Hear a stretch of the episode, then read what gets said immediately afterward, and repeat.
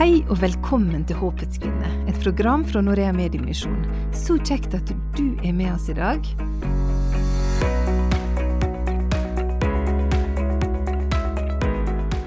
Jeg heter Elisabeth Lillebøseth.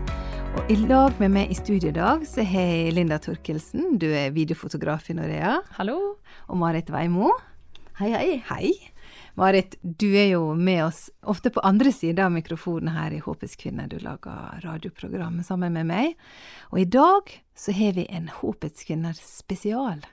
Der vi fokuserer på ett av våre prosjekt og ett av våre land. Og i dag så skal vi rett og slett til Sentral-Asia. Det er jo et eh, område som består av mange stanland eh, i det gamle Sovjet.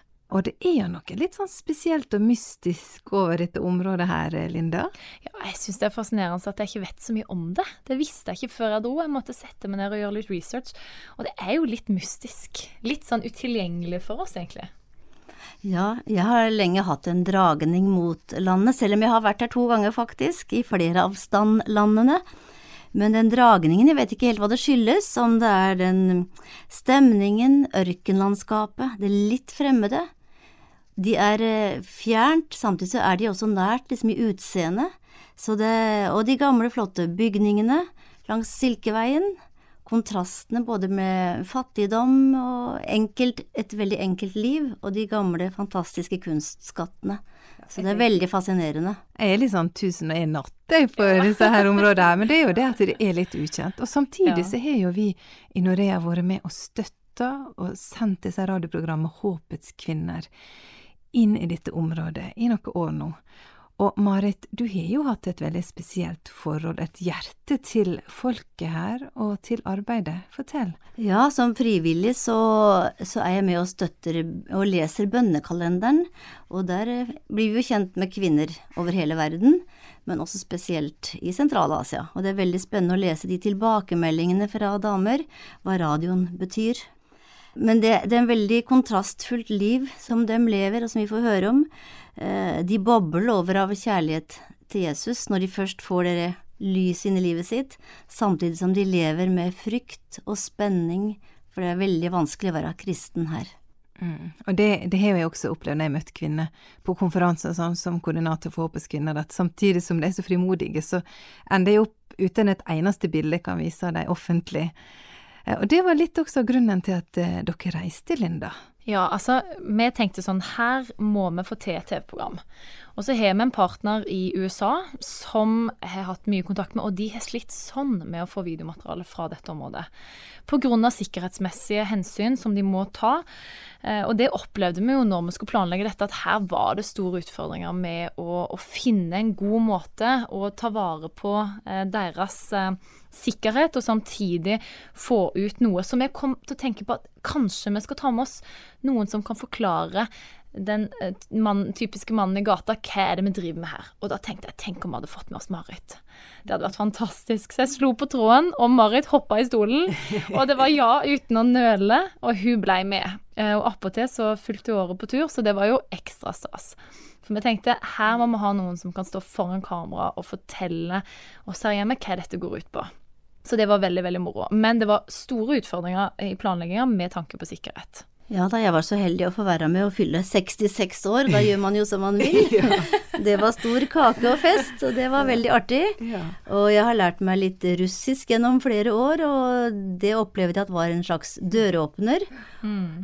Vi Du fikk god kontakt, Marit? Jeg fikk god kontakt med mange damer, særlig, særlig mange damer eh, som drev med forskjellig håndarbeid og verkstedarbeid, og, og, og, som feide gata. De åpna seg litt når jeg kunne fortelle hvor jeg, hva jeg het, hvor jeg var fra, og, og sånn litt enkelt eh, samtale, men da smilte de og smilte til Linda som sto der med mm. kamera. Mm. mm. Men det var få som ville stille på kamera, altså på intervju. Så den videoen som dere eh, etter hvert skal få se med Marit, den, der vil dere se at det er veldig lite samtale eh, og vitnesbyrd og Marit i samtale med, med, kristne, fordi at de rett og slett ikke turte å stille. Så det sier jo noe om den spenninga mellom de, de, var så fremodige, og så var det samtidig en sånn frykt for å bli oppdaga. Og det var krevende å jobbe med, altså. Men hva slags utfordringer så du, eller hørte du om, eller fikk du oppleve for de kristne da spesielt, langs Silkeveien her, som vi kaller det? De lever under kontroll både av sin egen familie og av myndighetene. Det var litt sånn blanding på en måte. Noen sa at myndighetene var kanskje ikke så strenge, men andre vitnesbyrd sier at myndighetene er veldig strenge. Har du noen eksempel? De kristne som vi, som vi til slutt fikk møte, de fortalte oss annet at myndighetene hadde streng kontroll ja, på ca. 2500 kristne som bor i området her. Ja, det er ikke flere, nei. Nei, det er ikke så store flokken egentlig, nei. I det spesielle landet vi snakker om. Ja. Ja, mhm. 0,01% var det, så Ja. det sier jo litt. Og det fins ingen sier godkjente evangeliske kirker. Og all evangelisk kristen trosutøvelse, det er faktisk forbudt. Og det er ikke lov til å be på morsmålet sitt, og det er heller ikke lov til å oversette kristen forkynnelse. Og er du barn, så har du ikke lov til å delta på noe kristen arrangement, og det er strengt forbudt å misjonere til annerledes troende. Så er spørsmålet da, hva er det å misjonere? Er det å gi ei bok? Er det å invitere til et husmøte? Grensene var veldig vage, og det prega jo det med usikkerhet. Hva, hva er lov, hva er ikke lov? For mistanke om overtredelse, det fører til både husransakelse, og det kan straffes med høye bøter. Noen må selge eiendommer for å klare å betale bøtene sine. Nei, det var veldig, veldig usikkert, og vi, vi merka det da vi, da vi var der, at eh, folk levde i en veldig usikkerhet og spenning. Og så var det jo bare 5000 eh, registrerte lovlige bibler. Eh, og hadde du en bibel som ikke var registrert, som var importert, og ikke hadde dette godkjentstempelet, så var det et stort problem. Og det er jo en måte myndighetene på en måte kontrollerer de få kristne som er der. Det er helt greit å være kristen sjøl, men begynner du å fortelle det til andre, da får du problem. Og, dette var myndighetene veldig tydelige på, at, eh, at da ble, ble du sanksjonert. Så det var veldig spesielt. det var det. Men som eh, fotograf, da, eh, hvordan opplevde du det? Merker du noe på kroppen, de utfordringene?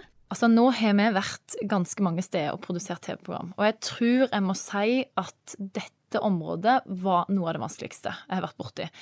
Eh, Det var en enorm spenning, og det var krevende for oss, det var krevende for lokale partner.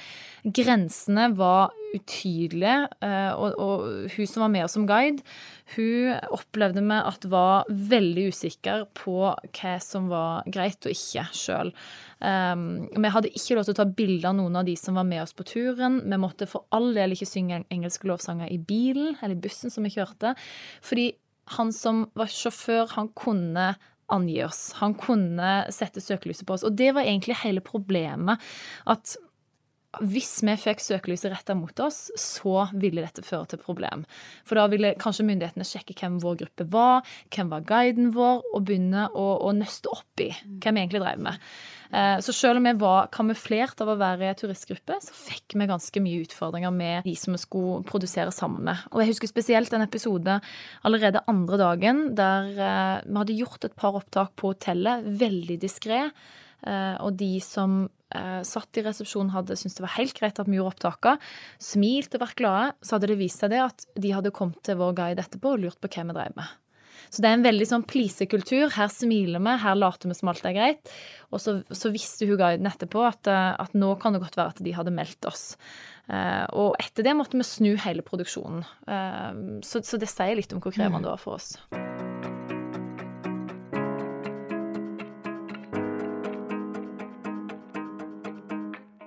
Du skulle da forhåpentligvis møte kristne og intervjue dem, men det var ikke så lett det heller. Nei, det var ikke lett å få noen samtaler, nei. Men eh, en ettermiddag så fikk vi altså møte noen kristne brødre og søstre. Og en av dem som var leder i en husmenighet, han hadde faktisk nettopp kommet ut fra fengsel. Han hadde blitt angitt av sine egne søsken fordi han hadde delt ut kristen litteratur. Han eh, skulle få 15 dagers fengsel, og for oss så høres kanskje ikke det så veldig mye ut, men han trodde allerede at han skulle dø den første andre dagen fordi han, han hadde aldri røkt sigaretter, mens alle i cella røkte rundt den, så han trodde han skulle bli kvalt faktisk og, og dø. Og han eh, sa til Gud, eh, du redda Peter ut etter tre dager i fengsel, når skal du redde meg? Ja. Så han fikk bytta eh, celle og fikk lov til å være i celle hvor de ikke røyka, og han hadde så vakker en stemme, så myndighetene sa også at vi kan ikke la denne mannen dø, eller vi må ta vare på denne vakre stemmen hans. Mm. Og han fikk være til stor hjelp i fengselet da han fikk litt bedre soningsforhold. Og til slutt så hadde han egentlig ikke lyst til å reise derifra, for han fikk hjelpe flere til å finne Kristus i fengselet. Og etter han kom ut, så har han også fått uh, mange telefoner og, som spør hvordan det går med han, og han, han fikk flere venner, og mm. han ble et lys faktisk for sine medfanger. og så det var veldig spesielt å møte han. Men alle i den gruppa som vi fikk møte, hadde jo hver sine historier. Og blant annet at de må gjerne flytte på seg, da. Mm. Uh, en fortalte at han uh, både med kone og barn måtte flytte fra et sted. Så begynte han å kjøre drosje, og, og samle kristne inn i drosja. Faktisk var møter i drosja. Mm. Men så ble han angitt der også, og måtte flytte videre. Kona ble deprimert, barna deprimert. De må forlate det trygge de har, og stadig liksom kanskje flytte til storbyen hvor de er litt mer eh, anonyme, da. Mm. Men det koster å bekjenne Jesu navn i dette området, ja. Ja, ja, det er jo tydelig. Og det må være Du ser at det, det er ikke helter, da. Du sier blir deprimerte, og det viser jo bare det at uh, det er ikke lett, det presser eleven der. Og disse var modige. Altså, det ja, sa han ja. Eh, som er leder for arbeidet, at de som har valgt å komme her i dag, dette er modige kristne. Mm. Dette er kristne som har bestemt seg for at eh, jo, de skal dele også med oss, selv om de vet at det er en risiko for at noen tar et bilde som havner på feil sted på nett, eh, som er et problem for dem. Eh, og det var jo Altså, vi var jo i en helt avlukka restaurant. Vi hadde et eget rom. Eh, det var en mulighet for å filme og blurre ut, filme rygg, men de turte ikke det, for de var redd for at kelnerne skulle angi oss. Så det sier jo litt om hvor vanskelig også det var. Og det var ikke før helt på slutten av turen at vi fikk beskjed om hvem vi skal møte, og at vi i det hele tatt fikk møte noen. For dette var jo noen vi hadde prøvd å avklare lang tid i forveien. Så det, det var veldig krevende for de, altså. Det var det. Du ble jo igjen et par dager etter at de andre hadde reist, og fikk noen møter. Du fikk et spesielt møte med ei dame på hotellgulvet. ja, har du noen gang fått en misjonsmassasje? Det har ikke jeg opplevd. En av de siste dagene så satt jeg på hotellrommet sammen med kollegaen min som jeg jobber med i videoteamet. Eh, og så sa jeg du, vet du hva, jeg føler liksom ikke jeg har møtt dette ene mennesket som jeg kan ta med meg hjem og bare dele historien til. Vi har møtt mange menn, men jeg har ikke møtt så mange damer. Og vi driver jo med et kvinnearbeid her. Og så hadde jeg da bestilt eh, en massasje på hotellrommet. Eh, og der kom det ei dame sammen med dattera si på 14 år. Jeg la meg ned på gulvet. Her var det ikke noen massasjebenk, her var det bare rett ned på gulvet. Og så spør hun meg, to minutter ut i massasjen, spør hun meg er du kristen. Så sier jeg ja, det er. Er du? Ja, det er. Så tenker jeg wow, her, altså, hun tør å dele det med meg. Hun kjenner meg ikke engang. Um, og så bare fortalte hun hele sin historie om hvordan hun hadde tatt imot Jesus og uh, begynt å ha et møte eh, hjemme i huset sitt, og politiet som hadde patruljert rundt, og de hadde måttet flykte til hovedstaden. Hele familien og ungene, de hadde ingenting, sa hun. Vi hadde ingenting. Uh, hver dag etter skolen så måtte hun hente ungene, og de måtte dra til et nytt sted. De hadde ingen fast sted å bo og hvordan hun bare gløda allikevel, og med en sånn frimodighet. Og der satt dattera, for mora hadde bare lært seg litt engelsk, så dattera satt der og oversatte. Eh, og hun fortalte hvordan hun bare måtte dele Jesus med klassekameratene sine. Og hun fikk så mye spørsmål og ble så utfordra på, på, trua si. Men hun bare ba til Gud åh Gud, du må bare gi meg ord, sånn at jeg kan klare å dele det med mine klassekamerater. Og det som var så spesielt med hun òg, det var det at hun sa det, vet du hva, Jesus er så viktig for meg at jeg må dele evangeliet med andre, koste hva det koste vil. Um, og det er derfor jeg også driver med massasje. fordi hver gang jeg masserer noen, så ber jeg for dem. Uh, og det fører ofte til at vi får en fin samtale om tro. Det var en enorm frimodighet eh, blant disse. Og så ba jeg for hun, og hun ba for meg, og jeg delte litt fra mitt liv. Og jeg begynte å grine. Jeg ble veldig rørt av, av hele situasjonen. Eh, og så sier hun bare til meg før hun går, så sier hun eh, dette var det Gud hadde planlagt for meg i kveld. Det var, det var her vi skulle være. Vi skulle møte det. Noen ganger reiser en ut i verden for å hjelpe, og så ender en opp med å bli hjulpet sjøl. Det er rart med det.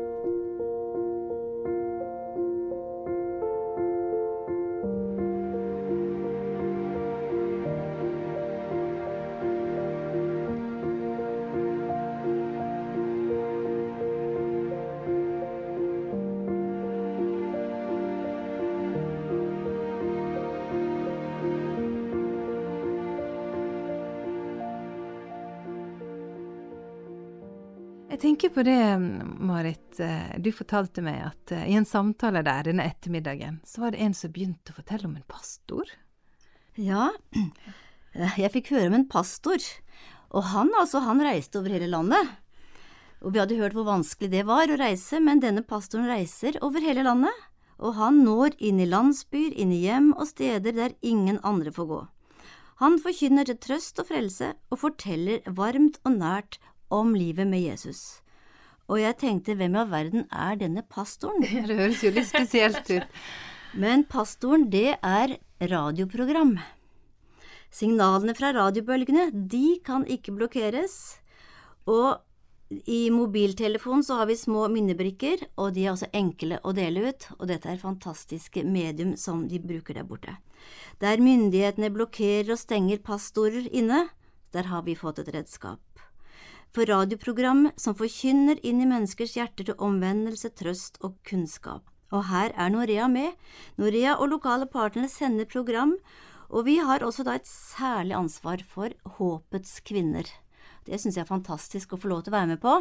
Og jeg fikk høre om en kvinne som levde et vanskelig liv, men når hun våkna om morgenen til håpets kvinner, så var det som hun fikk nye vinger til å fly med den dagen. Det var fantastisk. Eh, og en annen dame hadde også uh, hørte på radio, men uh, siste måneden hadde hun ikke kunnet hørt på grunn av at man var i fengsel og følte seg overvåka. Men radioen fikk vi skjønne at det er et fantastisk middel. Radioen er en pastor som når inn overalt i hele Sentral-Asia. Det er ikke bare minnebrikkene, de lytter også til radio. Radiobølger som kommer inn fra utlandet til dette landet her. Og en av dem er ei som vi kaller Sarina, som fikk høre om Jesus på radio. Og hun kjenner du? Du har møtt henne, Linda? Det har jeg, og vi har hatt så lyst til å lage en lytterhistorie med hun på video, men hun kan ikke av sikkerhetsmessige grunner stå fram. Så det vi gjorde, var at vi brukte ei i videoteamet til å spille hun foran kamera. Og hun har en veldig spesiell historie. Hun tok imot Jesus som lita, og opplevde veldig kjapt at foreldrene og myndighetene etter hvert begynte å forfølge henne.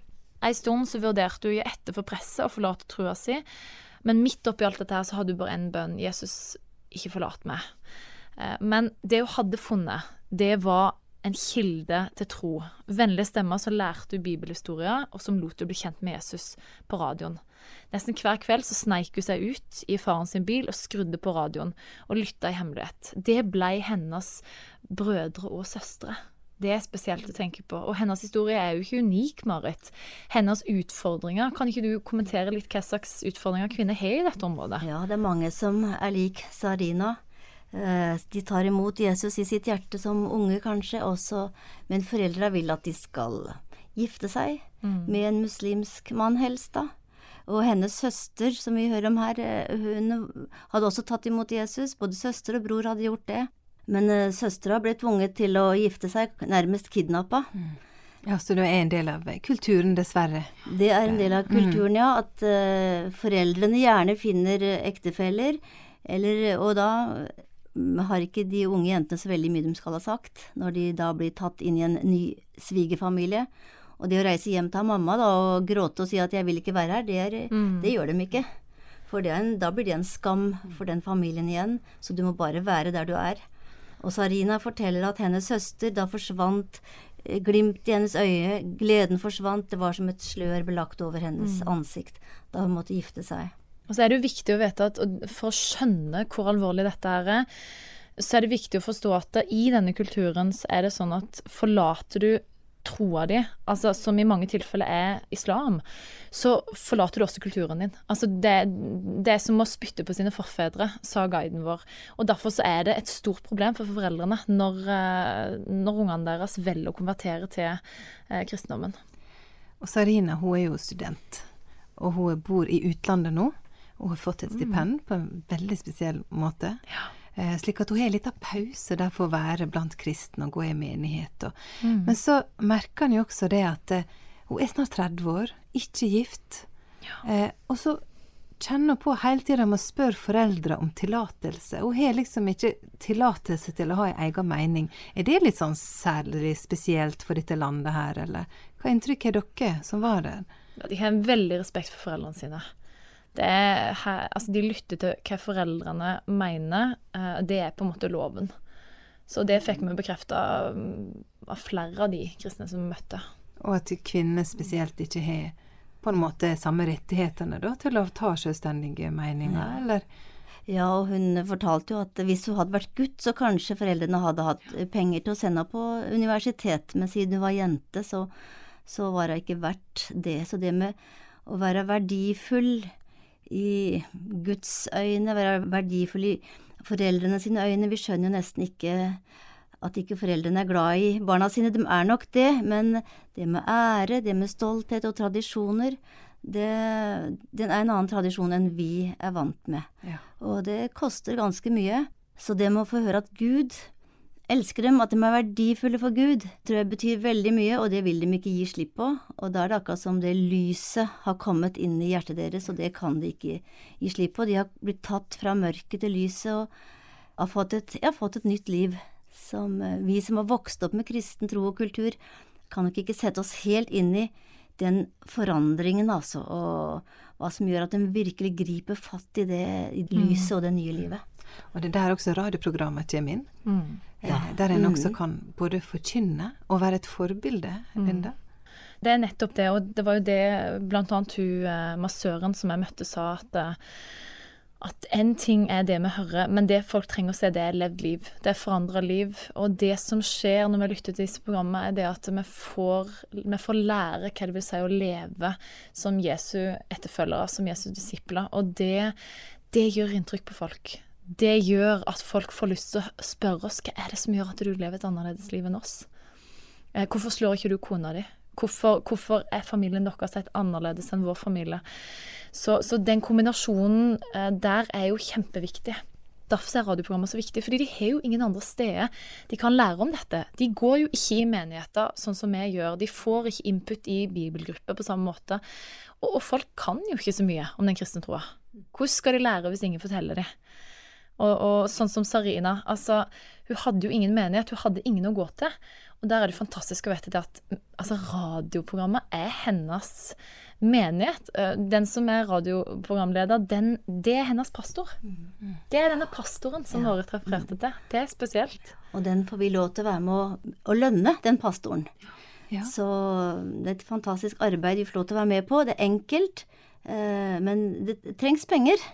Det koster å være en kristen i Sentral-Asia, og det koster ikke så mye for oss egentlig å være med å støtte.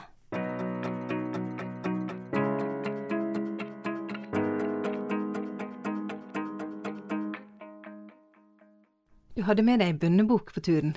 Ja. Eh, Ja. Der har du notert litt. Eh, fortell oss litt. Eh, Ja, jeg tenkte på den eh, gamle norske salmen Herre Gud, ditt dyre navn og ære, over verden høyt i akt skal være, og alle sjele, de trette trele, alt som har mele, de skal fortelle din ære. Menneskene i Sentral-Asia og de som har funnet Gud, de ønsker også å fortelle hans ære.